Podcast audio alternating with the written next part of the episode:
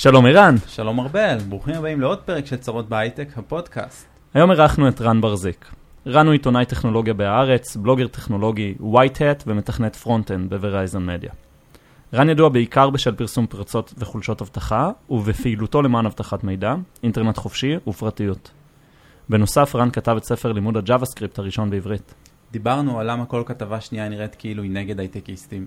האם יש אג'נדה נסתרת? מה תפקידם של עיתונאים שמסקרים את ההייטק? מה יגרום להייטקיסטים לעבור חברה? ספוילר, לא פלייסטיישן 5. מהן הבעיות העיקריות שהוא מזהה היום בהייטק הישראלי? ובדיחות אבא למכביר. רצינו להודות ל Samsung Next, קרן ההשקעות של סמסונג בישראל, שמאפשרים לנו להקליט באולפן שלהם. שתהיה לכם האזנה נעימה. האזנה נעימה.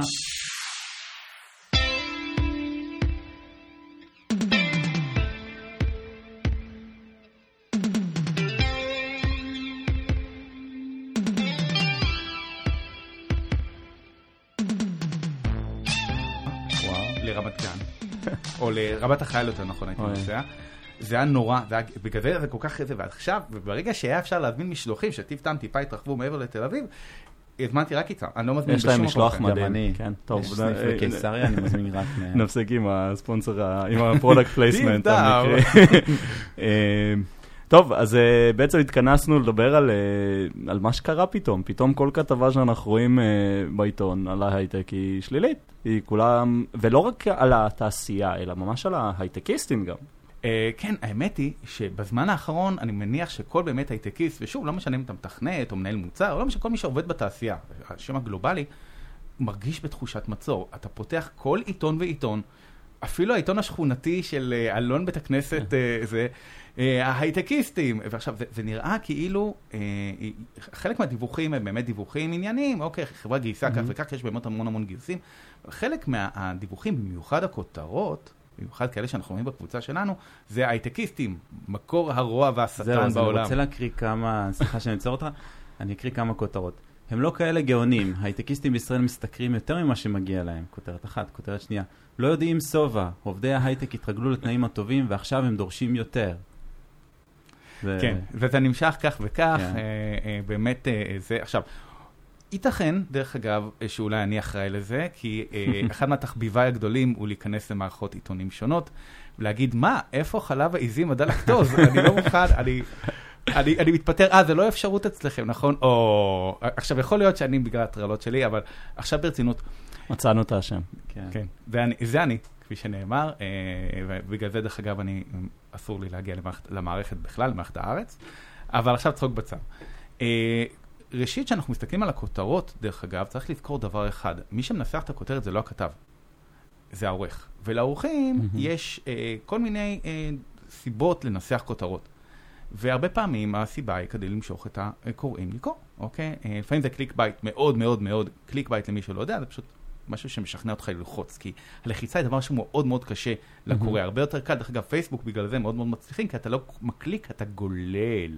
גם טוויטר, אבל טוויטר כן. זה לא לא הצלחה כזאת גדולה בינינו. אה, אז בכל מקרה, אז הכת... העורך הוא זה שמנסח את הכותרת. לפעמים הכותרת, בפנים שאתה נכנס לכתבה, היא שונה לגמרי מה, מה, מהכותרת. אבל אז אתה קורא את הכותרת וכל הפיוזים קופצים, כי באמת, אתה קורא נכון. כזה דבר. ובפנים כתוב בכלל שזה השוואת פריון בין uh, כך וכך, uh, uh, ונסמך על כל מיני מחקרים כאלה וכאלה. דבר אחד, בואו בוא נעשה פה, נעשה קו. אין קליקה של עיתונאים מרושעת שיושבת ואומרת איך אנחנו uh, נזיק להייטקיסטים, לפחות לא קליקה שאני חלק ממנה, עד כמה שאני יודע, זה היה גם נורא מוזר. Uh, דבר שני, uh, מאוד חשוב גם להבין שבעיתונים שהם עיתונים אמיתיים, לא עיתונא, עיתונאים מטעם, uh, כמו מהמם. אלון בית הכנסת uh, uh, מעלה מגדיאל למשל, סליחה, אם, אם יש כזה. כן, כן. אה, זה. אז, אז עיתונאים, מערכת אמיתית, אה, אה, יש מה שנקרא חופש עיתונאי לעיתונאים. הם בוחרים על מה לכתוב. נכון, המערכת יכולה לבוא ולהגיד, למשל, יש לנו הבדל גם בין news לבין, אה, זאת אומרת, משהו שהוא חדשות, למשל, משהו אה, אה, קרה בתל אביב, אוקיי, חברה נמכרה זה news, אני מדווח על זה בצורה יחסית יבשושית, לבין אה, אה, ניתוח, דעה, או כתבה יותר עמוקה, אייטם יותר עמוק. אה, ואז במקרה הזה יש יותר חופש עיתונאי, וגם זה לא שהעורך בא ואומר, תשמעו, אה, תכתבו על הייטק בצורה שלילית, זה לא עובד ככה. הוא יכול לבוא ולהגיד, תכתבו על הייטקיסטים, כי יש, אה, למשל, יצא איזשהו דוח מעניין, אבל אף אחד לא בא אליך, לפחות, שוב, בעיתון אמיתי, לא במעלה מגדיאל ב' אה, זה, אז אף אחד לא בא ומכתיב לך מה לכתוב. זה חופש עיתונאי, וזה דבר שמאוד מאוד חשוב, ובעיתונאים, עיתונים אה, רציניים, יש אותו. אבל בעולם של היום, ש, שמה שמשנה זה הכותרת, השתי שניות שמישהו עבר וראה וקרא והמשיך, זה לא, כאילו, זה לא משהו ש, שבעצם מתווה את, ה, את האג'נדה, זה שעורך משנה כותרת מסוימת. כן, אז בוודאי לעורכים יש כוח הרבה יותר חזק מכתבים, כי הרבה פעמים אה, באמת מה שיש בתוך האייטם הוא לאו דווקא מה שיש בכותרת, נכון. אה, עכשיו נשאלת השאלה למה זה קורה. אז באמת הרבה מאוד אנשים אומרים אה, קנאה. אה, מהעיתונאים שאני מכיר דרך אגב, אה, אין, אה, אין כזאת קנאה גדולה, כי קודם כל יש קנאה גדולה בהייטק באופן כללי, לא רק כלפי עיתונאים, אוקיי? א', עיתונאים מרוויחים משכורות בסדר, דרך אגב, נכון? יש לנו תדמית כזאת mm-hmm. של... אה, האיש אה, או ההוא שנמצא בתל אביב וגר בקפה תמר, רוצה לעשות כן. סקר קטני. כן, כן, סליחה. אה, אז, אז, אז לא, הם מרוויחים בסדר. אוקיי, נכון, מן הסתם לא שכר של הייטק, אבל השכר של הייטק הוא באמת גבוה בצורה לא פרופורציונלית, ומשיחות עם הבן שלי ועם חבריו, שהם בגיל המתאים, זה בעצם תפיסה שאו שאתה בהייטק או שאתה מסכן. Mm-hmm. ואין באמצע. אז נכון, בפועל יש כל מיני תפקידים של עריכת דין וזה, אבל עקומת ההתפתחות של השכר בתפקידים האלה היא מאוד, היא יחסית רגועה, ואולי אם נסתכל על תוחלת ההכנסה, אה, נגלה שהייטקיסט ולמשל עורך דין זה אותו דבר בסוף הקריירה, אבל בהתחלה זה לא ככה. ויש uh, תחושה באמת של המון אנשים של קנאה, uh, או אפילו טינה כבושה. אפילו ששוב, בלי הייטק אנחנו לא, לא, לא נחיה, וזה מן הסתם מחלחל, זו תפיסה ציבורית שהולכת וגדלה, ככל שהפערים בין מה שנקרא ישראל הראשונה לישראל השנייה, השלישית והרביעית, וככה הלאה גדלים. והעיתונים משקפים את זה, עיתונים בסופו של דבר זה מה שנקרא ציידגייסט, רוח הזמן. ועיתונאים לא חפים בעצם לשקף את רוח הזמן, אז נכון, אנחנו חיים. השאלה היא בעצם, האם הם באמת משקפים את רוח הזמן, או שהם יוצרים את האווירה באיזשהו מקום? זה כמו, אה, אה, בואו נדבר על מונחים שאנחנו מכירים, כמו גל עזיבות בחברה. אוקיי? לפעמים mm-hmm. אה, אה, יש שניים, שלושה שעוזבים ביחד, ואז אתה אומר, וואי, כולם עוזבים, וזה מזין, זה מה שנקרא גלגל ש, שמתדלק את עצמו. אז, אז גם פה יכול להיות שזה גם ניזונים מרוח הזמן של הרבה, הרבה מאוד אנשים שמסתכלים מבחוץ על ההייטק, רוצים להשתלב, לא יכולים להשתלב, זה לא משנה מה, ולא, וחשים איזושהי טינה. כמה מזה גם קשור פשוט לזה שעורכי העיתונים ובעלי העיתון רואים עלייה ב traffic כתוצאה מהכתבות האלה, מן הסתם גם מתפרסמות בקבוצה שלנו ורואים עלייה בהכנסות מפרסומות. אה, נכון, אה, ה traffic הוא דבר שהוא מאוד מאוד חשוב, דרך אגב, לעיתונאים שאנחנו עושים. דרך אגב, יש למשל בעיתונות אייטמים שאנחנו מוצאים, שאנחנו יודעים שזה לא יהיה הרייטינג הכי גדול, אבל זה משהו שהוא חשוב. אוקיי, יצא לי כמה אייטמים במיוחד אייטמים, דרך אגב, חיוביים. אייטמים חיוביים תמיד, תמיד לא מצליחים להשיג רייטינג כמעט בכלל. כן. אה, דרך אגב, יצא לי באמת, אני זוכר גם כתבה של, אה, אה, ששיבחתי את דודי אמסלם, או ששיבחתי רשות ממשלתית למשל, שעבדה כמו שצריך, גם, גם זה צריך לפעמים לשבח, להגיד, וואי, הכל בסדר. וזה כמובן זכה ל... שיחים מתגלגלים. כן. דרך אגב, גם, בטוויטר או בפייסבוק, זאת אומרת, זה לא רק העורך שלמשל קידם את הידיעה או לא קידם, אני אה, שם את הכתבות האלה בפיד האישי שלי. ואני רואה שאנשים לא מתעניינים בכתבות של וואלה, הכל סבבה, המדינה עבדה כמו שצריך. אז, אז זה מעניין רגע, אני כאילו הולך לפתוח סוגריים שנייה על מה, איך מודדים כתבה? כאילו חוץ מטראפיק, שזה סוג של obvious, אמרת, יש כתבות חשובות. איך, איך אתה מודד את זה? כי הייטקיסט זה מאוד אה, מעניין אותי, כן, כאילו. אה, בוא נגיד ככה, זה כמו בין פיצ'ר חדש לבין טסטים. אוקיי, שיש לך מוצר שיש לו למשל 90 אחוז, אתה מעלה את ה-coverage למשל, אפילו בשוליים, אז זה משהו שהוא חשוב, הוא חשוב, מבחינת business אתה כרגע לא רואה מזה כסף, אז זה בדיוק אותו דבר. יש כתבות שמבססות את האמינות העיתונאית שלך, וגם לך זה משהו שחשוב לומר אותו, אוקיי? למרות שהן לא מבחינת רייטינג מעניינות. למשל, באמת כתבה שאומרת, הממשלה עבדה כמו שצריך. ממשל זמין, למשל, גוף ממשלתי שבאמת עושה המון המון שינויים, השקיע אה, מחשבה בפיתוח של מערכת הזהות הממשלתית. אוקיי? עכשיו, זה משהו שהוא, שוב, רייטינג, לא ראינו מזה, אבל מצד שני זה משהו שחשוב לומר אותו. זה משהו שחשוב שיכתבו עליו. אז בדיוק כמו טסטים. בעצם אתה נותן ערך ליוזרים שלך שזה הקוראים פה, גם אם זה לא מתרגם למטריקה של הטראפיק באותו רגע. כן, אז נכון, אנשים לא יבואו בעצבים, הנה, תראה את הממשלה, כי הממשלה הייתה בסדר, וזה, ואפילו הקוראים יכול להיות שיגידו, אה, טוב, נו, יאללה. אבל הם יודעים את זה עכשיו. גם אם הם לא התלהבו מאוד, זה, כן. זה חקוק להם בראש. בודקים או משווים זמני שהייה במאמרים, נגיד שני מאמרים של אלף מילים, משווים זמני שהייה או זמני קריאה? לא שאני יודע. אה, לא שאני יודע, אה, בודקים traffic, מן הסתם גם בכל עיתון רואים את זה, יש את עשרת כן. הידיעות הנקראות ביותר, אה, בכותרות או במוקד העניין, כל אחד עם, ה- עם הטקסט שלו, אז כן, מסתכלים על זה, זה נחשב מקור לגאווה אם הגעת למעלה, דרך אגב. כי שוב, העיתונאים רוצים בסופו של דבר, כמונו, כשאני כותב קוד, אני כן. יוצר מוצר, אני רוצה שאנשים ישתמשו בו. אם אני אבוא ואגיד לך, תשמע, אותו שכר, אותו, אותו, אותם תנאים, אבל אחד מוצר שמיליוני אנשים משתמשים בו, ואחד מוצר ששלושה אנשים משתמשים בו. אוקיי? כי הוא מוצר, לא יודע. אז, אז בואו נחזור רגע לנושא הקודם. אז בעצם, כאילו, יש חופש עיתונאי, ובעצם, אתה, אני בעצם שואל, בוא נהיה בלנט. אז אין אג'נדה מאחורי זה? תמיד, ל... תמיד יש אג'נדות מסוימות, אוקיי? לפחות מהצד שלי, שאני רואה את זה, אין איזושהי אג'נדה, שוב, אין איזה בעלי הון שבאים ואומרים, מהמם. כן, תעלולי ויילי קיוטי, אני קורא לזה, אוקיי? אם אנחנו אה, נבוא ונעלה את השכר של ההייטק, אז נקבל יותר פרסומות בחברות ההשמה, לא, לא, זה, אין ויילי קיוטי. אה, גם גם אה. בסרטים הציורים אנחנו יודעים ש... שוב, הטענות שעולות בקבוצה, כן, אני לא, לא ממני, זה הרבה פעמים על הרצון שהממשלה תמסה חזק יותר את ההייטק, אה, על ידי זה שיוצרים דעת קהל שהיא מאוד נוחה, נכון? היא כזה, טוב, אז נעלה את הכסף, אה, נעלה עוד טיפה את המס על אלה שמרוויחים 80 אלף שקל פסיבי. אז כאילו, ז, זאת האג'נדה שמדברים עליה. זה, זה מאוד אפלולי, שוב, אה, אמרתי, ציידגייסט קודם, אה, יש איזשהו באמת הלך רוח, לא רוצה להגיד נגד ההייטק, אבל שמסתכל על ההייטק.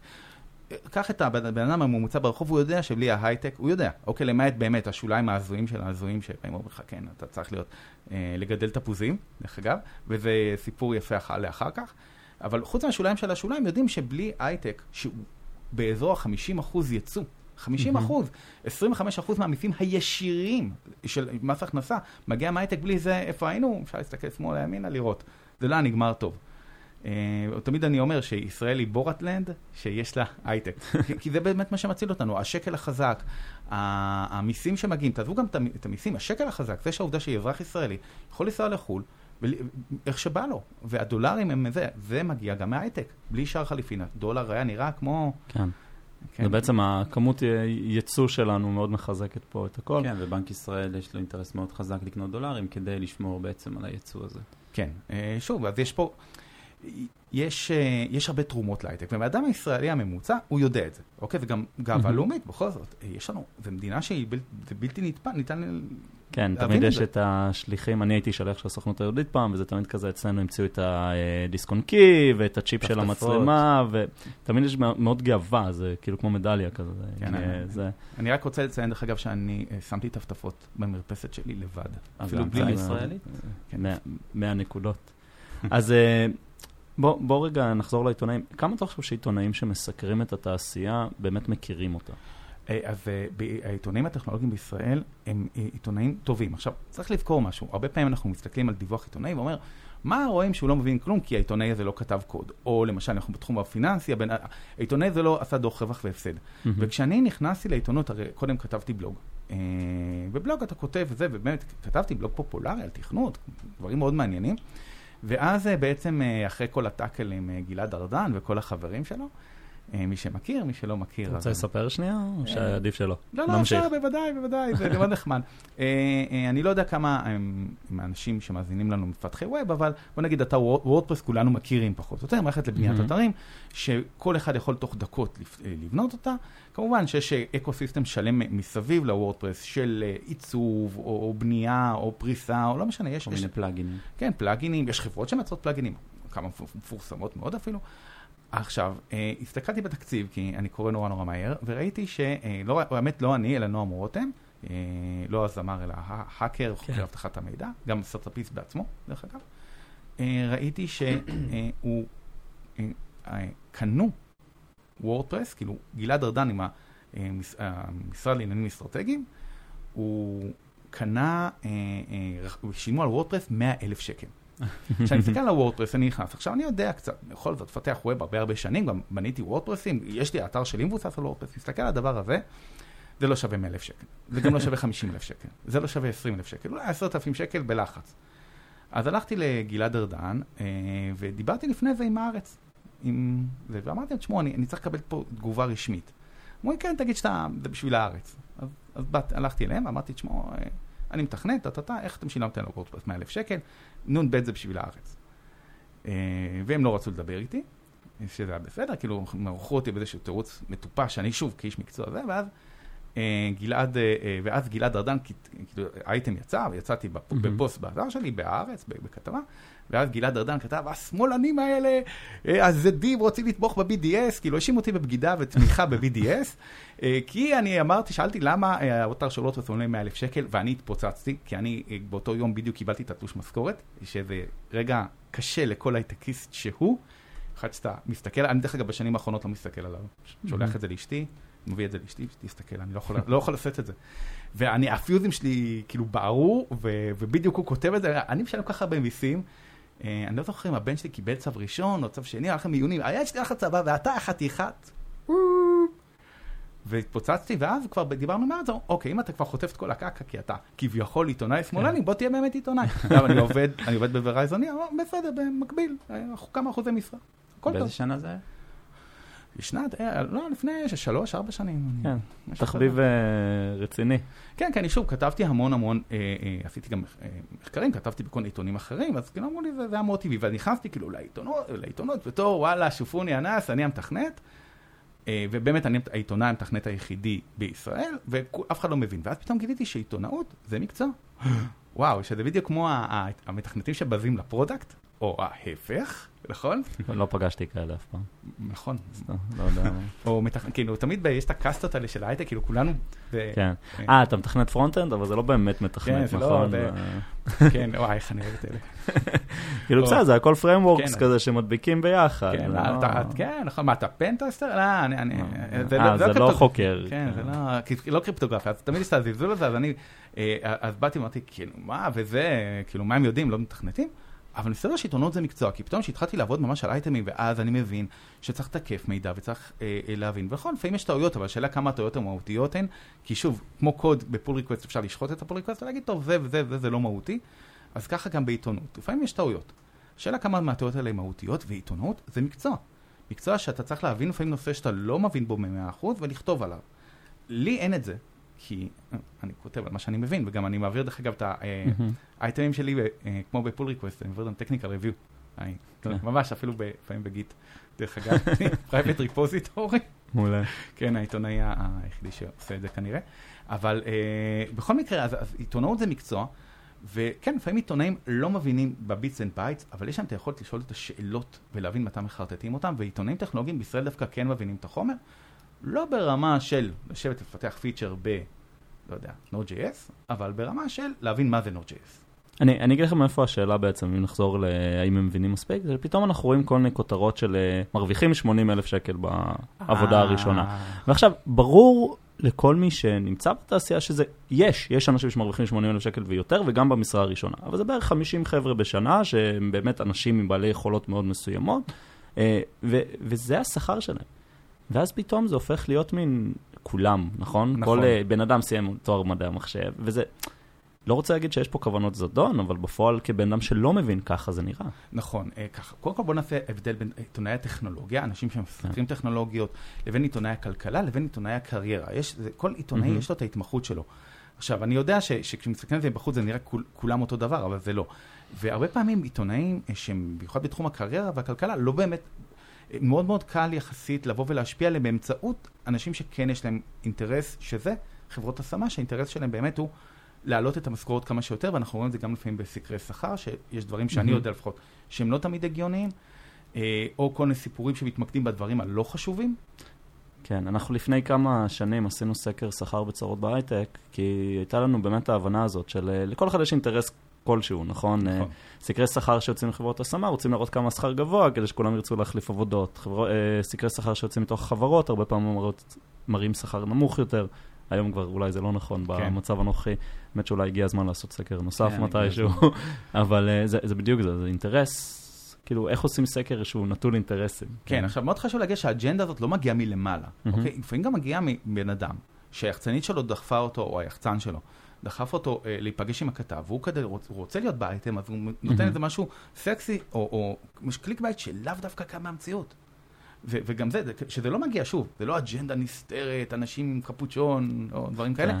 זה מתוך רצון שאנשים לנפח או להיות בכתבה, לא להופיע בכתבה, ובאים ומספרים עובדות לא נכונות, וזה גם באמת מלהיט את העניין הזה.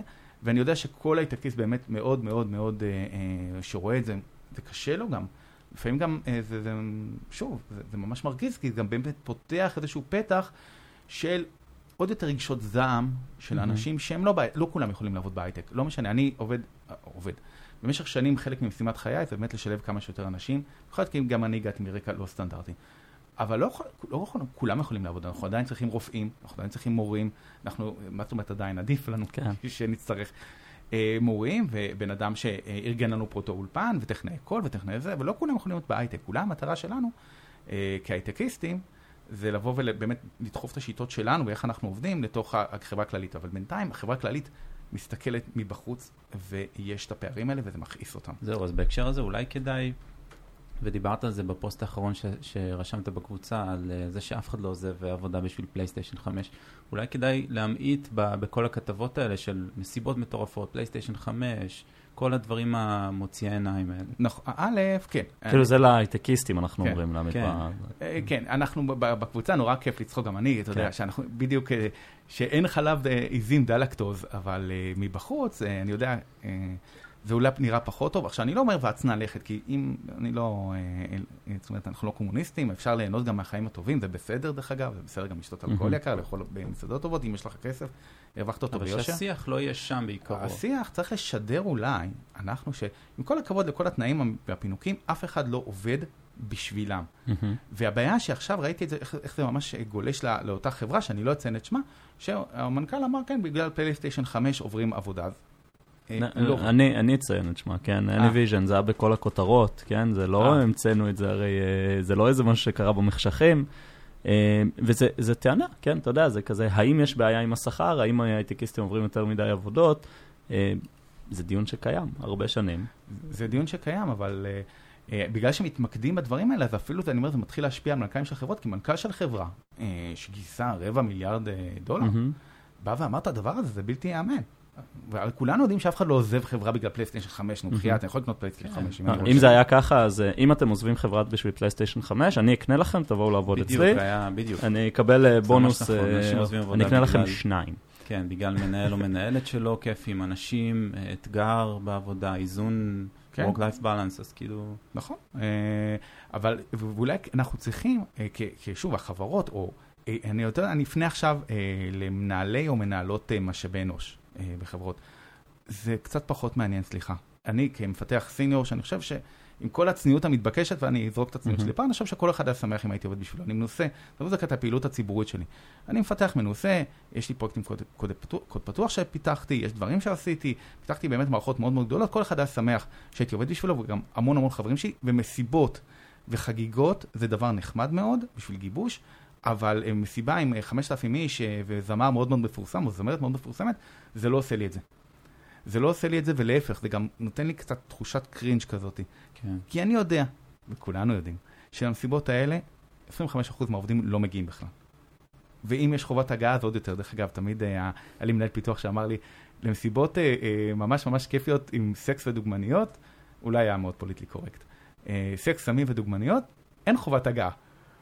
אז הרבה פעמים יש חובת הגעה, ואם אין חובת הגעה, המון מהעובדים לא מגיעים, וחלק מהאנשים שם הם חברים של העובדים, שמעודדים כן. אותם לה- להגיע, כדי שזה לא יראה כמו... בסוף דברים כן. כאלה, גם פומפוזיים, לפעמים זה איזשהו עלה תאנה של חברות מסוימות על תהליך גיוס שהוא בעייתי, או על תרבות בעייתית. ו- אני, אני רק רוצה להתנגד, כאילו, לתת כן, טיפה כן. פושבק. זה כיף, כן? להרבה אנשים זה כיף, ללכת להופעה ולמסיבה, ויש חברות לא. שעושות מסיבות מעולות, אבל כיף. אף אחד לא עובר עבודה בגלל זה. נכון, זה אבל- כן, נראה לא, לי- מדברים על הקיצוניות של. ויש גם קרינג', למשל בקבוצה עכשיו היה ממש אה, שרשור אה, מהייטקיסטית אלמונית, נכון. על אירוע אה, בריכה או אירוע ים.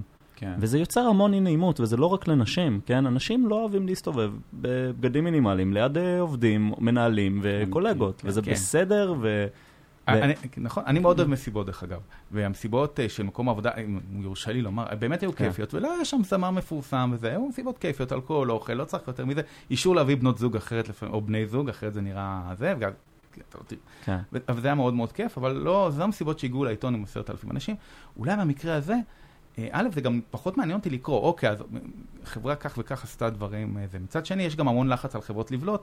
אני נכון. חושב שאפשר לבלוט עם מצוינות אה, של תכנותית. כשאני בוחר עבודה, אני מסתכל קודם כל איזה אנשים עובדים שם. מהמם. מה הרקורד התכנותי שלהם, אם אנשים מוכרים, האם הם מרצים, האם הם, זה, יש מלא כנסים. הם היו בכנסים האלה, לא היו בכנסים האלה, יש המון מעגלים איך אתה מברר את זה דרך... אה, לינקדאין. הבנתי. כאילו כן. מסתכלים, רואים אה, אה, מי עובד שם ומי החברים של החברים שעובדים שם. כן. או עובר, נכנס לחברה ועובר כמו איזה, זה על הרשימה, זה מה שעשיתי ששלחתי ל... זה, זה בדיוק זה, זה, אני חושב כמות הפעמים שאני מדבר עם בן אדם, עזבו רגע ג'וניורים, בסדר, שזה נפתח כן. אולי את הסיפור הזה עוד שנייה, אבל אה, אני אומר להם, תראו, בנצ'מארק, יש לנו בנצ'מארק בכל התנאים, סבבה אצלנו, כיף לנו, הכל אחלה. אתם הולכים לעבוד עם האנשים הכי טובים בתחום של עיבוד תמונה בטוח, ה-CTO שלנו הוא מבריק, ואני אומר את זה מלא, זה אולי ירון, אה, היי ירון, אבל כאילו, ככה אני מוכר לאנשים את החברה. וזה זה אה, דרך טובה למכור. וזה עובד הרבה יותר טוב מ... כן, יש לנו אחלה מסיבה, ו... ו... וזה נכון, כן, יש אחלה מסיבות, ומחנה יהודה עושים את האוכל וזה מגניב, אבל כאילו, זה ממש כן. לא ה... כאילו, זה לא ה-selling point. נכון. גם, גם, דרך אגב, זה מה ש... אה, כשהלכתי לעבוד בזמנו, אז זה עוד היה AOL בחברה, אז אה, ממה הכי התרשמתי? שאז אז הוא היה המפתח הבכיר בחברה, אה, רן שפירא הראה לי את ה- coverage. והראה לי unit testing, כאילו של code base עצום, עם coverage גבוה. אני כזה, אוקיי, פה אני, פה אני רוצה לעבוד, כי, כי אני יודע מה זה. אז אה, בכל מקרה, אבל השיח הזה שבאמת של המסיבות וזה, הוא גורם באמת לעוד יותר טינה, כי אנשים יודעים שזה משכורות, במיוחד צעירים, דרך אגב. אה, כשאני מסתכל על אנשים צעירים בתחילת דרכם, ולא משנה איך הם הגיעו להייטק, אפילו משכורת של ג'וניור, אוקיי? משכורת של מתמחה, 20 אלף שקל, אפילו 18 אלף שקל, היום זה קצת יותר, תלוי בניסיון. יותר מפי שתיים מהממוצע במשק. כן, אה, מישהו שמשתחרר מהצבא, תעזוב דקה 8200, בוא, בוא נשים את 8200 בצד. יש לי דוגמאות אחרות אה, של אנשים שהשתחררו מהצבא ויש להם ידע ב- open source ויש להם זה, והצליחו להפיק את המשרה הראשונה. אוקיי? בלי 8200. היו בשירות צבאי רגיל לחלוטין, אפילו קרבי, יש להם תרומת קוד משמעותית. בשלושה חודשים האחרונים שלהם בצבא דחפו קוד אה, אקסטרה, ונכנסו ב-20 אלף שקל. החברים שלהם שהם לא בהייטק, כי אין להם את הכישורים, את היכולת, את הרצון, או את הידע, כי יש המון המון ידע שצריך, הם מסתכלים עליהם, הם, הם, הם, והם עובדים בתחנת דק ב-5,000 שקל כדי להרוויח את הבונוס של עבודה מועדפת כן. בעוד 3,000. זה כזה פער שהוא בלתי נתפס, כי גם יש לנו המון המון אוכלוסיות שיכולות לעבוד בהייטק, או לפחות חלקן, והן הולכות לעבודה עם פריון נמוך, כי הן לא יודעות מה, מה, מה, מה צריך לעבור. זה לא ללכת ללמוד מדעי המחשב וזה, והרבה פעמים זה נראה לך כל כך רחוק ממך, אני יודע, כי אני הייתי שם, לעבוד בהייטק, זה נראה כל כך רחוק, זה בכלל לא שייך אליי. איך אני יכול לעבוד בזה? אין לי, אני לא מצטיין במתמטיקה, לא, לא צריך להיות מצטיין במתמטיקה בחלק מהמקרים. אה, לא, האנגלית שלי לא משהו, אז אתה יכול לשפר את האנגלית, זה בסדר. זאת אומרת, אה, יש כמה שלבים שצריך לעבור, ואנשים לא יודעים את זה, ואז עוד כן. יותר טינה. כי אם יש מקום שאתה לא מגיע אליו, כי סיבות, אוקיי? אני למשל, אה, לא בתחום הסייבר, כי סיבות. שאמרת שאפשר להרוויח אולי טיפה יותר, או, או הרבה יותר, לא יודע. אה, אבל זה טוב לי במקום שלי, ויש לי את הסיבות שלי. אבל אם אני לא יכול להגיע לשם, או אז, וואי, וואי, וואי. כן, גם, גם חשוב להגיד שההייטק זה, זה מאוד מגוון. כאילו, אני גם לא טוב במתמטיקה, לא למדתי, אה, לא עשיתי בגרות ריאלית או תואר ריאלי, למדתי מדעי הרוח, פילוסופיה ותקשורת, ו- ואני בהייטק. כאילו, אני כמו כל הייטקיסט אחר. כן, בגדול. אבל יש לך כמה פר, פריבילגיות או ידע, למשל, מה שנקרא סולמות ידע ש, שאתה פשוט לא סופר אותם. זה דרך אגב גם בעיה גדולה מאוד. של הייטקיסטים, שאני בא, נפגש עם אנשים ואומר להם, כן, אתם יכולים להתקדם לפה, לשם, אבל אני לא יודע כלום, כאילו, אני לא יודע את זה. מה אתה לא יודע? אתה יודע גיט, זה כבר משהו, זה המון כן. אפילו, מלא אנשים לא יודעים את זה. אתה יודע מה זה Continuous Integration, אתה יודע מה, איך לתרום קוד פתוח, אנשים לא יודעים את זה. ו- ויש לנו הרבה, הרבה דברים, לפעמים הרבה פעמים גם ה- זה התפיסה שאתה יכול לעשות את זה. וזה מה שמבדיל בין אנשים צעירים שנכנסים לתחום או לא. כן. אבל בכל מקרה, ככה או אחרת, האוכלוסייה שיושבת מבחוץ ומסתכלת ככה במה שנקרא בטינה, או, או טינה שהולכת וגדלה, העיתונות מלבה את זה כי היא רואה שאנשים מתעניינים בזה, כן. אה, חברות מלבות את זה כי, צריכות לבלוט. זה. ווין ווין לכולם. והעיתונאים מסקרים את זה כי, כי בסופו של דבר הם מסקרים את הציידגייסט, ואז כולם חוטפים אש וגופרית, ואומרים להם, אתם קומוניסטים וזה, ואחר כך... זה, זה, זה תפיסה ממש אה, כן. מעניינת. אה, כי אנחנו מאוד, בקבוצה, מאוד מחפשים את האג'נדה. לא, ת- לא אה, תמיד יש. ולא תמיד יש. כן, אה, נכון. מה, מה לדעתך הבעיות המהותיות כרגע ב- בהייטק הישראלי? אנחנו יוצא לנו בפרק כזה לדבר כל אחת. או שתיים. לא, ככה, קודם כל ההייטק, שבמיוחד כשאני מסתכל עליו על שער השוק, אה, שוב, בקרב עמי אני חי, בכל זאת בפתח תקווה. ההייטק הוא, הוא, מבחינת תחומים, הוא תחום נהדר. הוא תחום ש... ואני חושב, דרך אגב, שעיקר הבעיה של ההייטק היא תדמיתית. אה, הבעיה שמונעת בעצם מאנשים אחרים להיכנס, כמו התדמית הנוראית הזאת, שהייטק זה אומר לשבת מול מחשב ש- 14 שעות ביום בחושך. קודם כל, יש לי כסף להדליק אור, אני עובד בהייטק. אני, אני יכול להדליק מנורות, אוקיי? אה, דבר ראשון. דבר שני, זה לא ככה, אפילו אם אתה מתכנת, אוקיי, מתכנת, אפילו מתכנת ג'וניור מן השורה, זה לאו דווקא לשבת לכתוב קוד 12 שעות, איך אפשר לכתוב קוד 12 שעות, אוקיי? אה, לפעמים, דרך אגב, מזכיר לי שפעם אחת עבדתי שלושה ימים, ואז הראש צוות שלי הגיע אליי ואמר לי, תשמע, רן, מה עשית בשלושה ימים האחרונים? אה, זה היה יניב ביגר עוד ב-HP. אמרתי לו, "אה, כתבתי שורה אחת. מסתכל, אמר, שלושה ימים של שורה אחת? תשמע, הייתי יכול לעשות את זה בחמשת אלפים שורות, אם זה יגרום לך להרגיש יותר טוב עם עצמך. אבל כתבתי שורה אחת, כי רוב הזמן השקעתי בחשיבה איך אה, זה, אז כתבתי אלף שורות וצמצמתי וצמצמתי. בכל מקרה, אה, יש עוד בעיות תדמיתיות, למשל Work-Life Balance, שנכון, אה, אף אחד לא משלם אה, 30 או 40 אלף שקל לבן אדם כדי שהוא יעבוד מ-8 עד 5, ובשעה 5 יזרוק את העט ולי אפשר יהיה להשיג אותו עד 8 בבוקר למחרת. זה לא עובד ככה. יש קרייססים, יש פיקים, הכל בסדר, כן. כולנו, אבל כמו שמנהל פיתוח אחר, חכם אמר לי, אמר לי שני דברים. א', אה, פיק זה פעם ב, לא כל הזמן. ב', אין דחוף אחרי שעה חמש. אבל זה כבר סיפור אחר. אה, כן, הוא היה בן אדם אה, מבריק. אני, שוב, היה לי הזדמנות, באמת, דרך אגב, עוד יתרון אחד בהייטק, שאין מנהלים כמעט, אה, זאת אומרת, לא אין, אבל יש מנהלים מאוד מאוד טובים. ובאמת הייתה לי, היה לי הזכות והעונג לעבוד עם רבים מהם, אה, עם לפחות הרבים הטובים. וזה גם עוד תפיסה, שזה לא בוסים שמתעללים או דוחפים אותך, או, או, או זה, זאת אומרת, יש כמובן, אבל תרבות העבודה היא הרבה יותר נוחה ונעימה מכל מיני סיבות. אני חושב שזה מחזיר לבנצ'מארק קצת. זאת אומרת, היום אם מישהו מחליף עבודה, הוא יודע מה הוא מחפש גם כמנהל. הוא לא רוצה את הפלייסטיישן, הוא רוצה מנהל או מנהל. מנהלת שיהיו כן. בני אדם ושיהיה להם כיף לעבוד כן. איתם. שהוא אחר כך יוכל לצטט אותם כמו שאתה מציע. בדיוק. כן, ואני זוכר כל מנהלת ומנהל שהיו לי בחיבה, דרך אגב, כן. כי או גם- קצת מזל וגם קצת, כי, כי בדקתי בלינקדאין, עשיתי מחשבה, לא הסתכלתי על פלייסטיישן, עשיתי באמת מחקר מעמיק על מי שאני הולך לעבוד איתו, כולל לחפש אותו בלינקדאין, כולל, דרך אגב, מתקשרים לי כממליצים, מהמם. אני מתקשר למישהו שעבד תחתיו, מחפש, שוב, בלינקדאין אפשר למצוא הכל, המון המון דברים, זה מאוד חיפוש. אדיר. זה טיפ מעולה למחפשי עבודה. אה, כן, אני בן אדם אה, מבוגר. אה, יש הרבה יותר אנשים מבוגרים ממני בתחום, אני עוד מעט בן 44, אה, אבל ראיתי כמה דברים ועבדתי וזה, ושוב, בגלל שהשקעתי מחשבה בקריירה שלי ובמקום העבודה שלי, לא פלייסטיישן 5, הבה הבה, אז אה, אם מישהו באמת עושה את זה, דרך אגב, כאילו, שמע, מאוד קשה למצוא פלייסטיישן 5 עכשיו, כן? כי ההייטקיסטים קנו את כולם. דרך אגב, אני חושב שהיחידים שנתנו אה, אה, פלייסטיישן 5 זה אוברוולף. כן, והם גם חברת גיימינג, אז זה כאילו, it makes sense. וגם דרך אגב, חברה חמודה מאוד, שאני מכיר מישהי שעבדה שמה, שהיא הייתה מאוד מרוצה. היא עזבה בגלל סיבות אחרות, אבל היא הייתה מאוד מרוצה, ו- וזה מה שהרבה יותר חשוב מאשר הפלייסטיישן 5, שהם נותנים לעובדים שלהם כי הם חברת גיימינג, אוקיי? כן. אה, לא, זה פשוט, אתה יודע, זה... זה היה, זה היה במסיבות בהייטק לפני שזה היה בעיתונות, כן? נכון. זה הרבה פעמים קורה. ובסדר, זו תמונה מאוד מגניבה. זה מאוד כיף לראות חדר מלא. זה כמו שאחרי שקורה משהו מאוד גדול בחברה, פתאום ממלאים את כל החברה בדברים משוגעים כדי לחגוג ביחד. כשלייטריקס נהייתה יוניקורן, כל המשרד היה מלא בובות של יוניקורנים, אז זה לא פלייסטיישן 5, זה מגניב. נכון. ונראה לי שזה הרבה יותר, כיף לדבר על זה. כן, זה- וזה גם לא, לא עניין אה, מאוד כספי מאוד גדול. דרך אגב, הפלייסטיישן 5, יחסית למשכורת, זה לא הרבה. אנחנו מדברים המון על פלייסטיישן 5, דרך אגב, אני לא, לא גיימר בכלל, אני כבר לא, כזה אני- זקן. אני מאוד גיימר, אבל אני PC. אני יכול להגיד לכם אני סוד. מתנשא על כ- כאלה שמשחקים אה, פלייסטיישן. אני אגלה לכם סוד אפל, שיהיו לכם ילדים, ונכון לך החלום הזה לשחק עם הילדים, נכון? אבל בשנה, שנתיים, שלוש, חמש שנים הראשונות הם, הם קטנים, ואתה לא יכול לשחק איתם, ואז אתה גם מטפל בהם, ואתה בעצמך לא משחק. ואז מגיע הרגע שהם יכולים לשחק, והם לומדים לשחק לבד מחברים או משהו כזה. אז הם יותר טובים ממך. מה זה יותר טובים? אה, אה, קטעים אצלי בבית. אה, דניאל, דניאל, לך תשמור על אבא. אבא, למה אתה הולך לשם? לא, תהיה אתה איתו. לא, לא, אני לא יכול להיות איתו, תשמור עליו.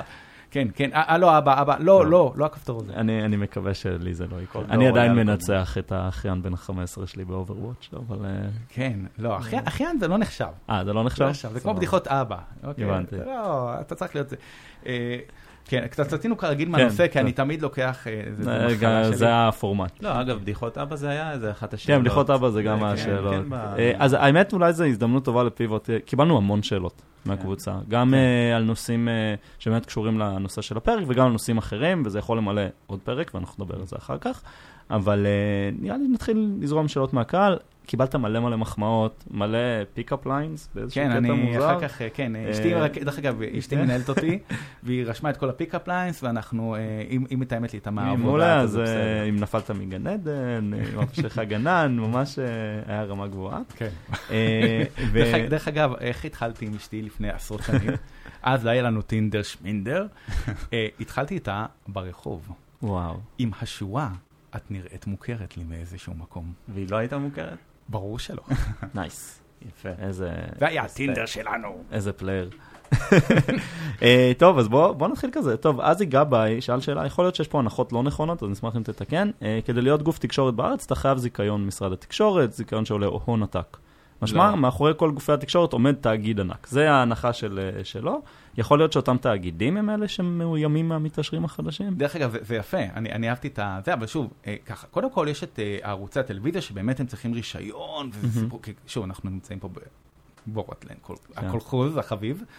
אה, אז, אה, אה, אז כן, אה, גופי תקשורת אה, אה, צריכים משהו חזק, הם גם הפסדיים, או חצי הפסדיים, אני לא סגור על קשת, ואז הם צריכים מישהו שיממן אותם, ואז הם כפופים לאג'נדות, כולנו רואים את זה מהמם. במשפט שיש עכשיו, לא יצא מי ומה וזה, אבל רואים שיש אג'נדות חזקות, אבל כלי תקשורת אחרים, עיתונים, לא צריכים. אה, ידיעות אחרונות הוא מוקד רווח, אה, גם הארץ, אה, לא, לא מכיר את המספרים.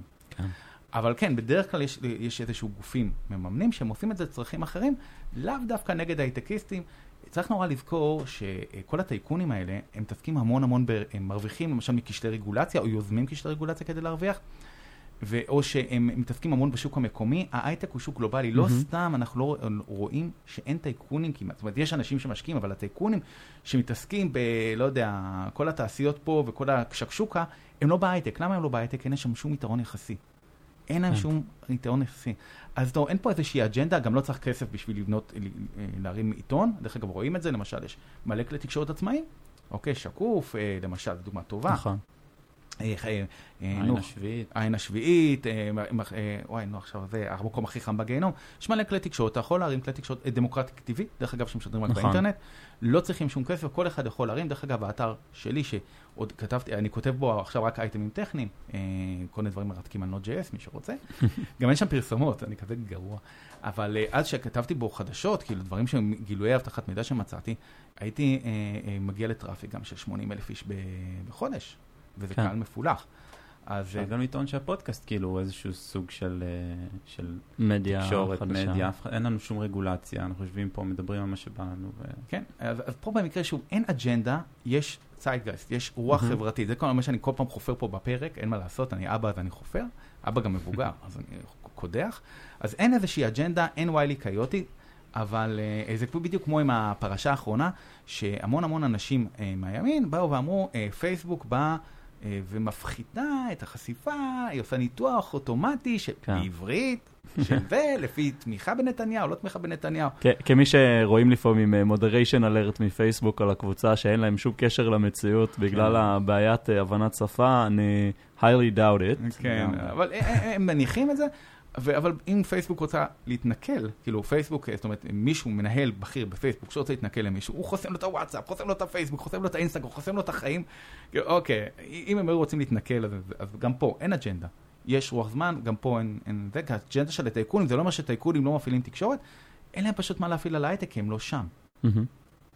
אה, נעבור לעוד שאלות. אה, בני פרץ שאל על העניין של אה, קולגות אה, עיתונאים שמנוסים בהייטק, אבל דיברנו על זה. אה, כן. שאלה של עמית קולמן, למה העיתונות הכלכלית שופטת בחומרה חברות פרטיות ובעלות אמצעים בטענות שונות ומשונות, אבל כמעט ולא משמיעה ביקורת נגד יוזמות מזיקות שמקורן בכספי ציבור? לדוגמה. פיקוח שכר דירה שהוכח ככישלון בכל מקום שבו נוסע, מחיר למשתכן ועוד. אה, אוקיי, אז ככה, קודם כל נגד מחיר למשתכן הייתה ביקורת מאוד מאוד רצינית כבר בזמן אמת. מאוד מאוד חשוב, אין, תמיד, קודם כל, לא תמיד יש איזון קדוש. כן. מה זאת אומרת? אני כעיתונאי, אני בוחר על מה לכתוב. שוב, אמרנו, דיברנו על חופש עיתונאי, אני בוחר על מה לכתוב. הרבה פעמים אומרים, למה אתה לא מסקר את זה? סליחה, אדוני, מה אתה משלם? לך תחקור בעצמך, לך תהיה עיתונאי, תחקור בעצמך. בדיוק כמו הביקורת, דרך אגב, שנניח עם עיתונאים באים ואומרים, למה הייטקיסטים מרוויחים ככה? אה, למה אני לא מרוויח ככה? אדוני, לך תהיה הייטקיסטים, מה תכנות? מה אתה רוצה? עכשיו אותו דבר, אין איזון קדוש, גם אני כל פעם אומר את זה, אין איזון קדוש, גם יש חופש עיתונאי לבוא ולכתוב על מה שמציק, על מה שכותב, ובאמת, אה, עכשיו לבוא ולכתוב על איזשהו חוק, גם הרבה פעמים יש כל מיני יוזמות של חברי כנסת, שבאות מתפוצצות ברעש, ובסוף לא יוצא מזה כלום, כי, כי ככה זה קורה. אז לפעמים העיתונאים באים ואומרים, אני גם לא רוצה לתת לזה תשומת לב. היה אה, לא מזמן, אה, אה, איך קוראים לה? אורלי לוי. מהמם. יצאה בעוד חוק צנזורה, יש חוק, כל, כל כנסת כן. יש חוק צנזורת אינטרנט. ואני והראש כאילו, הראש שלי אמר, אתה רוצה לכתוב על זה משהו? אמרתי, תשמע, עודד ירון, דרך אגב, העורך, אמרתי, תשמע, למה אני אתן לזה בכלל אה, תעודה? הרי זה משהו שהוא לא... בוא בוא שיעבור קריאה שנייה ואז נדבר על זה. בינתיים זה אולי תפס, אנשים דיברו על זה וזה, אבל אנחנו לא הוצאנו על זה אייטם. כי לפעמים לפעמים אתה לא רוצה לתת תשומת לב. עכשיו גם פה, אה, אה, גם חברות פרטיות, שכביכול הן פרטיות, יכול להיות, יכול להיות עליהן ביקורת. AnyVision דוגמה טובה. חברה פרטית, אה, שכנעה את סופטבנק להשקיע בכסף, המנכ"ל אמר משהו, זכותו המלאה, אה, ועדיין הייתה ביקורת מטורפת, גם שלי, כי אתה הוצאתי אייטם עליהם, להסביר באמת לאנשים מן היישוב איך באמת הייטקיסט מוצא עבודה, שזה לא פשוט, שזה לא פלייסטיישן 5, וזה שיש שפע זה לא אומר שאני יכול עכשיו ל-6,000 רעיונות בו זמנית, במיוחד אם אני עובד. צריך לבחור את החברות. טוב, אה, האמת שזה קצת קשור למה שאמרת, לימור נורי שאלה על איך זה קצת לעבוד עם מקבלי החלטות, ועל המאבק בחוק הסינון אתרים. ו... אז אה, ככה, קודם כל, אה, זה הכי מצחיק, כי אני, שוב, נמצא בשתי העולמות. אני מתכנת מצד אחד, וקוד שאני כותב מופיע בהמון המון אתרים והמון מקומות. ומשפיע באופן מצחיק, העבודה שלי כמתכנת משפיעה הרבה יותר מאשר העבודה שלי כמה שוק בישראל, מאשר עיתונאי שכותב בעברית. זה מאוד מאוד כיף אבל, לראות את הדברים, מה שנקרא, מאחורי הקלעים. הבעיה שלי שאני עיתונאי ממש בשברי משרד, ואני תמיד מתחיל את העבודה העיתונאית שלי או ביום שישי, ביום שישי שבת, או אחרי צהריים ערב. אני נדיר מאוד שאני עושה משהו בזמן העבודה. כי, ואז אני בא ומודיע, אני, יש איזה משהו מאוד מאוד דחוף, אבל זה נדיר מאוד. אבל זה כיף, זה כיף לראות את באמת איך הדברים נראים, ולראות מה שנקרא, הרבה פעמים, אתה, מה, מה, זה, זה הפך אותי כמעט לדתי, כי אני הבנתי שזה נס שהמדינה הזאת קיימת. זה פשוט, איך רפול פעם אמר, ג'וקים מסוממים בבקבוק? אתה מדבר עם מקבלי החלטות, אנשים מבחוץ, מהתקשורת, רואים אותם כאנשים חכמים וזה, ואתה מבין שכל, אה, אה, אני, אה, מה המקצוע הכי, הכי נורא בהייטק שהוא... אני לא עונה לשאלה הזאת. כן, לא, המקצוע הכי נורא, הכי... שחושבים עליו שהוא הכי נורא? או שחושבים, לא, כאילו, המקצוע שלא האנשים הכי חכמים, אתה אומר, היית קובע שכולם חכמים, אין מקצועות בזויים, זאת הבעיה. לצורך העניין, מפתח, תן לי את השפה שאף אחד לא כותב בה כבר. לא, אבל כבר עכשיו יש ביקוש חדש לשפות שאף אחד לא כותב בהן. אוקיי, נניח... סבבה. לא, יש את השפה הנוראית הזאת שהם רק עם רווחים וטאבים. אס, לא... זה שהמציא את השפה עם הרווחים וטאבים, איך היא נקראת? זה Mindfuck. כן. Mindfuck. Mindfuck היא נקראת? אני חושב, אני כבר בודק. כן, שיהיה לנו פשוט איזה דוגמה שאני לא אעליב אף אחד. Brainfuck, זה הקרוב. אז מתכנת Brainfuck, שזה מי שלא יודע, שפה של רווחים וטאבים. אז מתכנת Brainfuck שעושה את זה ב- production, נניח, אפילו אה, הוא הרבה יותר הרבה יותר חכם אה, והגיוני מאנשים בהייטק. אה, למשל, אה, זוהר לבקוביץ', היזם, אה, בא וסיפר שבדיוני חוק הצנזורה, שם הוא הגיע, שוב, מתוקף החברה שלו שעוסקת אה, אה, בתוכנת סינון, אה, מה שהוא סיפר שמיקי זוהר אה, לקח אותו הצידה ושאל אותו ברצינות מלאה, אם יש אה, תוכנה אה, שמסננת שמאלנים. אוקיי, עכשיו, מה שהכי יפה, דרך אגב, שמיקי זוהר בעצמו אה, בא ובעצם, הגישה של לחסום אינטרנט זה הגישה שהיא הכי שמאל שיש, אין מה כן. לעשות. הוא בא ואומר, אפשר לחסום שמאלנים בתוכנת צנזורה, ולבקוביץ' בטח המוח שלו התפוצץ באותו רגע. אתה אומר... זה גם בעיה טכנית אה, לא קלה. כן, אז דרך אגב, אז מהצד הזה, אם שואלים, נניח, איך זה באמת לראות איך דברים עובדים בפועל, אז אה, אני מאמין ממש בכוח גדול, בכוח עליון. אין מצב שהמדינה הזאת הייתה מתקיימת בלי כל הפנתיאון של האלים, כולם, 6,500 דתות יש בעולם הזה, כולם בעד ישראל. אין דרך אחרת להסביר את זה, אחרת בחיים לא היינו קיימים. וואי, אוקיי. יצאתי ציוני עכשיו, אה? כן. כאילו גם וגם. כן. בו זמנית. פעם עידן ארץ שאל אותי, תגיד, אה, אה, כאילו שאלתי גם על הייטקיסטים, אה, עידן ארץ, מי שמכיר, הוא פעיל ליברלי ידוע, עכשיו גם עיתונאי בגלובס.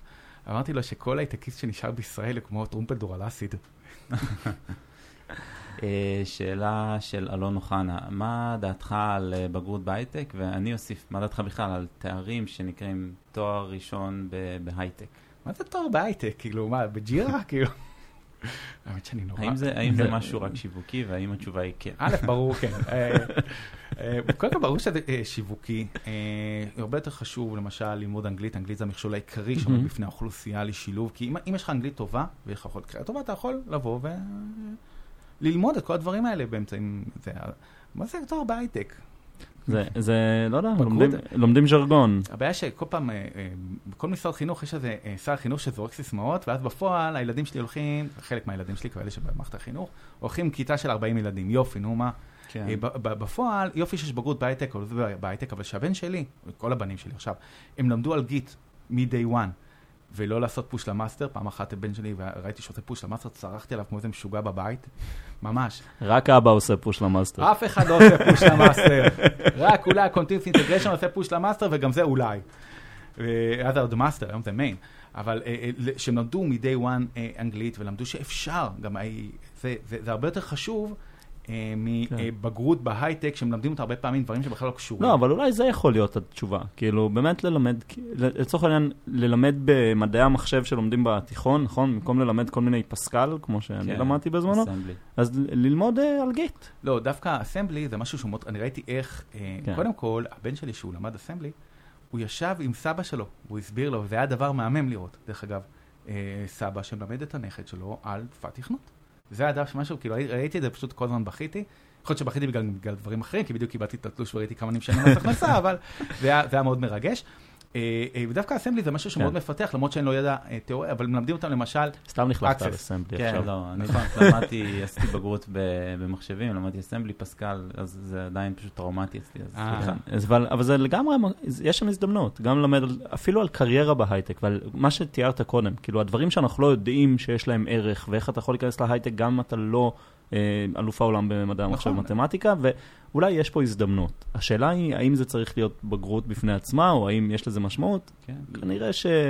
לפי דעתי זה מאוד חשוב, אה, אה, לא בגרות, אלא באמת שבתי ספר יבואו ויקחו תלמידים לחברות הייטק. שוב, לא מהמם. בגלל שהייטק זה הדבר שהוא הכי הכי חשוב וכולם צריכים לעבוד בהייטק, זה לא עובד ככה, אבל שמי שיכול, גם אם הוא גר רחוק והוא לא יכול להגיע למיטאפים כל שבוע, כמו שהבן הבן שלי הציג את העבודה הראשונה שלו ב meetup, בסדנה, מהמם. אמיתי לגמרי. אה, וכולנו יודעים שזה דרך טובה לג'וניורים להתחיל, אבל למי שגר, למשל, ילד תיכון, שגר בדרום או בצ- בצפון והוא לא יכול להגיע, נכון, יש אנשים יקרים, מתכנתים באמת אנשים יקרים שעושים מיטאפים אזוריים. נכון. חושב שזה חשיבות מאוד גדולה, כי מנגישים את זה לא למתכנת שכבר גם ככה עובד. בפרק האחרון באמת אה, דיברנו, או לפני שניים, דיברנו עם אה, בני באואר מהצפון, והוא מנהל באמת קהילת הייטק בצפון, וזה חלק מהדברים שצריכים לקרות יותר, ואנחנו נכון. יכולים לעשות אותם יותר, ואנחנו באים בקריאה לכל חברות ההייטק. אה, כן, זה חשוב, כי לא, נכון, נורא, נורא קשה דרך אגב לעשות את זה. אני אה, אה, מכיר את קהילת אה, אה, נגבטק, מהמם. שהם מארגנים אה, אה, נכון. מפגשים, גם אני אוהב נורא להרצות שם פעם בש, בשנה. אה, אולי כי הם משחדים אותי בבירה, אולי כי לא. אה, אולי כי גם ברכבת, דרך אגב, לבאר שבע אני, אה, אין אינטרנט, אז אני מטעין את הכל, את כל המועד הזה, ואז אני עובד, ובשעה וחצי האלה אני עושה עבודה של חודשים. אני, אני נוסע כל שבוע לירושלים ברכבת. אבל יש ו- אינטרנט כל דרך. אני בלי אה, אינטרנט בסוג של בכוונה, וזו השעה הכי יעילה שלי בשבוע. כן. קל. אה, זה נהדר. אני רואה שאתה נאנח ב... אני עושה את זה פעמיים, אבל אה, כן. בסדר. לא, אה, טוב, דיברנו על אנגלית קצת, ובעצם מתן מוניט שאל באמת, אם אנגלית זה כזה תנאי חשוב לעבודה בהייטק, למה הוצאת ספר בעברית? וואי, האמת היא, דרך אגב, אה, שגם היה באמת, בקבוצה שלכם היה לנו את הדיון הזה. כי כש...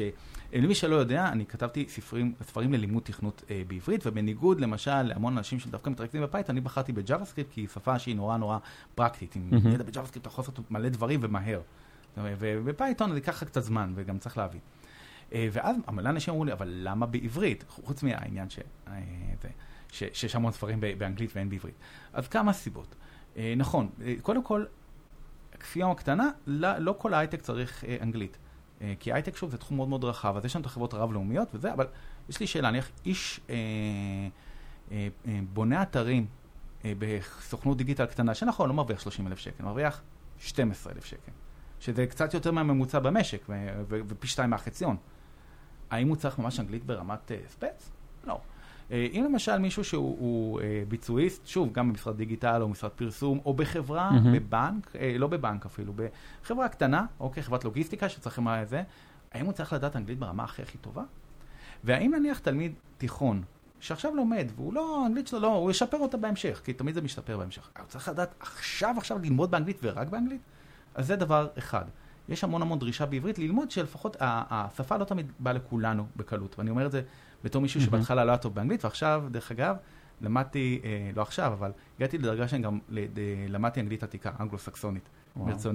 כן, אז האנגלית שלי היא מאוד מאוד טובה, סליחה שאני ככה שוב מוציא את הצניעות שלי החוצה. by the way. כן, by the way, לא, כי. קראתי את שו... קראתי מידל, כן. למדתי מידל אנגליש, ולמדתי, קראתי את שוסר בשפת המקור, ואז רציתי ללמוד, לקרוא את ביי וולף בשפת המקור, ולמדתי אנגלו-סקסונית, לא יודע לדבר אותה מן כן. הסתם, וכן, אז רמת האנגלית שלי מאוד מאוד מאוד טובה. אה, ו- ואני, ואני בא ואומר, רגע, לא, א', לא כולם צריכים אנגלית, וב', יש אנשים שהשפה היא מכשול כרגע, אז בואו נוריד את המכשול הזה באנגלית וניתן להם ללמוד בעברית. חוץ מזה, שפ... זה לא רק שפה, זה גם תרבות. מה זאת אומרת ישראלי? אמנם שחותר נורא נורא לתכלס. זה, זה גם היתרון היחסי שלנו. וזה גם מה שאני עושה בספרים, חותר לתכלס. הספרים שלי הם לא רק דוברי עברית, הם דוברי ישראלית. הם באים כן. במכות, מה שנקרא. כי תמיד אני אומר, אוקיי, זה חשוב, זה, אני לא בא מסביר את התיאוריה ואז מגיע לתכלס, אלא ההפך, קודם תכלס ואז קצת תיאוריה. המינימום האפשרי, וגם זה עניין תרבותי. אני מקווה שעניתי לזה. אה, אני חושב שכן. אה, שאלה של אור שלו. אה, היי אור. שהפך לאבא טרי, כן, מזל טוב. תנחומיי אור, אני מכיר עורך דין.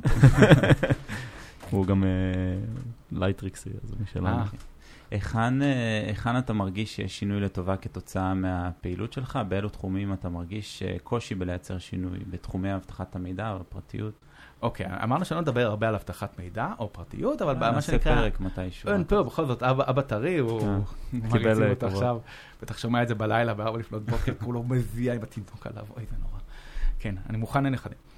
אה, עכשיו, אה, אה, יש שינוי מאוד גדול לטובה בישראל, דרך אגב, הרבה יותר ארגונים פתוחים לקבלת דיווחים לאבטחת מידע, כי אני, האינטרס שלי שלא יהיה אייטמים, שאני אפתח ויום אחד אני אסתכל ולא יהיה לי שום דבר על השולחן, ואני אוכל לכתוב על Node.js כמו שתמיד רציתי, אוקיי? דרך אגב, אחת הכתבות שלי בארץ זה היה על גיט, אמיתי. על גיט, על השינג, דברים כאלה מעניינים בזה, ולא על עוד פעם חברה עשתה פדיחות. ואני רואה שהרבה חברות מתחילות לפרסם דרכים ליצור איתן קשר. אה, במקרים של אבטחת מידע. נכון. אפילו gov.il, דרך אגב, הוסיפו קישור, שזה היה משהו שמאוד שימח אותי. הרבה יותר חברות נותנות דגש, או מחשבה לפחות על ענייני הפרטיות. יש לנו עוד דרך ארוכה לעבור. ממשל זמין למשל, זה ממש ארגון שפשוט בשנים האחרונות, חמש שנים האחרונות, עשה מהפך מאוד גדול לפי דעתי. אה, וזה באמת ראוי לציין את העניין הזה. יש משרדי ממשלה שהם לא קשורים ב-gov.il, שהם קצת יותר מאתגרים, משרד הבריאות, משרד המשפטים. אני, אני חושב שזה כאילו שווה לכולם לדעת, וזה לא פודקאסט הסייבר, אז אולי זו הזדמנות טובה להגיע לקהל אחר גם, של זה שמישהו בא ואומר שיש לכם בעיית אבטחה באתר, זה לטובתכם. אתם רוצים שיגידו לכם את זה, כי אחרת מישהו אחר ישתמש בזה לרעה. אז אם מישהו עושה את זה, שתפו איתם פעולה, הם יודעים מה הם עושים בדרך כלל, אם זה החבר'ה של, אה, אם זה רן עצמו, ואם זה חבר'ה של אה, פשוט white hat, ושכחתי את השם של אה, ענבר רז, שגם מוביל עכשיו וואו. קהילה בנושא הזה. כן. Uh, באמת, זה לטובתכם, תשתפו איתם פעולה, הם לא נגדכם. תקנו כן. להם בירה גם. לא, אני כשאני מגיע, דרך אגב, זה כבר עשור. בדרך כלל כשמישהו פונה אליהם בעיית אבטחת מידע, קודם תנסה לדווח לחברה, יסגרו כן. את זה, הכל טוב. הוא מדווח להם, בדרך כלל מכתב אותי. אם הם לא עונים, אז אני כבר מגיע, אבל אני לא פונה לשירות לקוחות, כן. או לזה, אני פונה כבר לדובר. ואז זה כבר, זה, ואז זה כבר לא, הרבה פעמים לא, אי אפשר לסגור את זה בשקט. אה, לפעמים כן, ואז זה נחמד לי, כי אני, אני לא רוצה את האייטמים האלה, הם אייטמים מייאשים. כן. זה, זה תמיד מבאס. שאתה אומר, למה? אבל אוקיי, אז הייתה בעיה, אבל גילינו אותה, בואו נפתור אותה, נכון? ולא, ולא לא נפתור אותה, ולא נפתור אותה, עד שאני כן. בא עם הפטיש, ואז מסתבר שכן אפשר לפתור אותה, אבל למה? למה היינו צריכים לעשות כל, הפ... כל כן. התהליך הזה? ואז יש אייטם, חוץ מאייטם אחד, דרך אגב, שאותו אני נורא עלצתי לגלות, גילינו שם אה, דליפת מידע באתר האגיס. אם אנחנו בבדיחות כן, אבא. עכשיו, זה היה אייטם קצת מסריח. אני צריך פה את האפקט של הסטטיש. כן, אתה תשים באפטר, בפוסט, אה, לשים מבון לזה, זה היה אייטם נורא מסריח, מעלה ריח. אפשר היה להבין שאבטחת המידע שם הייתה שם בחיתוליה. אתה אומר מישהו שם היה... אה, כן, הוא היה לא- אייטם קשה או רע? טוב, עצרנו. בראון האט. אני יכול להגיד שהיה לנו 500. היה לנו משהו כמו שבדיון שמצאנו את זה, אז אה, יש קבוצה... זה נורא, איבדנו את כל המאזינים בבדיחה כן. הראשונה. לא, להפך, היא כבר, וואי, זה משהו נפלא. היה לנו אה, מה שנקרא, עוד פעם, כל האייטם שלי עובר קוד ריוויו, מה שנקרא, ריוויו טכני. והחגיגות שהלכו בקבוצה הזאת, זה היה חגיגות מטורפות, שיצאתי איזה, פרסמתי איזה 500 בדיחות אבא בתוך הפתיל שכתב את זה. העורך הוציא לי איזה אלף בדיחות אבא מתוך האייטם, כמובן שזה לא מכובד, אבל נשארו איזה עשרת אלפים שמה, כולל באקרוסטיקונים אלו ואחרים. זה היה אחד הגדולים, ולא שמעתי את שתי הבדיחות האלה. בראון הט, וזה היה אייטם קשה. מה עם אה, ספר הבדיחות אבא? יש אה, תכנון? יש API, דרך אגב. יש API של ממשלת אה, ארה"ב, מסתבר. וואו. כן, לא יודע איפה מישהו גילה אותו, איך קוראים לחברה הישראלית, שלא ישראלית, שנותנת API? אה, לא, לא זוכר. אז מישהו מצא בדיחת אה, API. אה, טוב, שאלה אחרונה, למרות שהיו עוד הרבה בקהל, אבל אנחנו כן. כבר אה, זה. אה, אז מה הבירה האהובה לך? זה. אורן צור שביט שאל. כן, קודם כל, אה, כן, אני מתאר לעצמי שהוא שאל את זה. האמת שזו שאלה, אה, שאלה מאוד טובה, כי זה מאוד תלוי בעונות השנה. אין בירה שהיא, כאילו, אה, אה, אני מאוד אוהב למשל אה, Doppelbock, אה, שנקרא Samichlaus, מיושן, אה, כמה שיותר יותר טוב. אה, יש לי, אני בדרך כלל שותה לא רחוק מקום בפורטרס את הבקבוקים שהם בני 15-16 שנה, אה, שזה בקבוקים לא זולים. כמובן שזה בירת חורף, או סתיו, לא לשתות אותה בימי הקיץ החמים, אתה תמות. גם בירה שצריכים לה, להכיר אותה. אז יש המון המון בירות ישראליות מאוד מוצלחות. דרך אגב, גם וויסקי ישראלי מוצלח. אז מבחינת זה, כל בירה ישראלית, שהיא בדרך כלל IPA, יוצאים כמה בצ'ים מהמם. חדשים, יש שם מלא מבשלות, אז אה, אל תרתעו מזה שזה ישראלי, להפך, הם יודעים לקלוע לטעם שלנו, אז כל בירה ישראלית. טוב, מעולה. אה, יצאתי פטריוט, נכון? כן. כמו ממש. תוצרת ישראל. רן, איזה כיף שבאת, היה כן. לנו ממש... ממש נחמד לדבר, ואנחנו כנראה נקבע עוד אחד כזה. כן, שידבר על, על חלק מהותי מאוד אה, בחייך. מה, בדיחות. אבא? פתח תקווה. אה, תודה רבה. כן, תודה. ממך.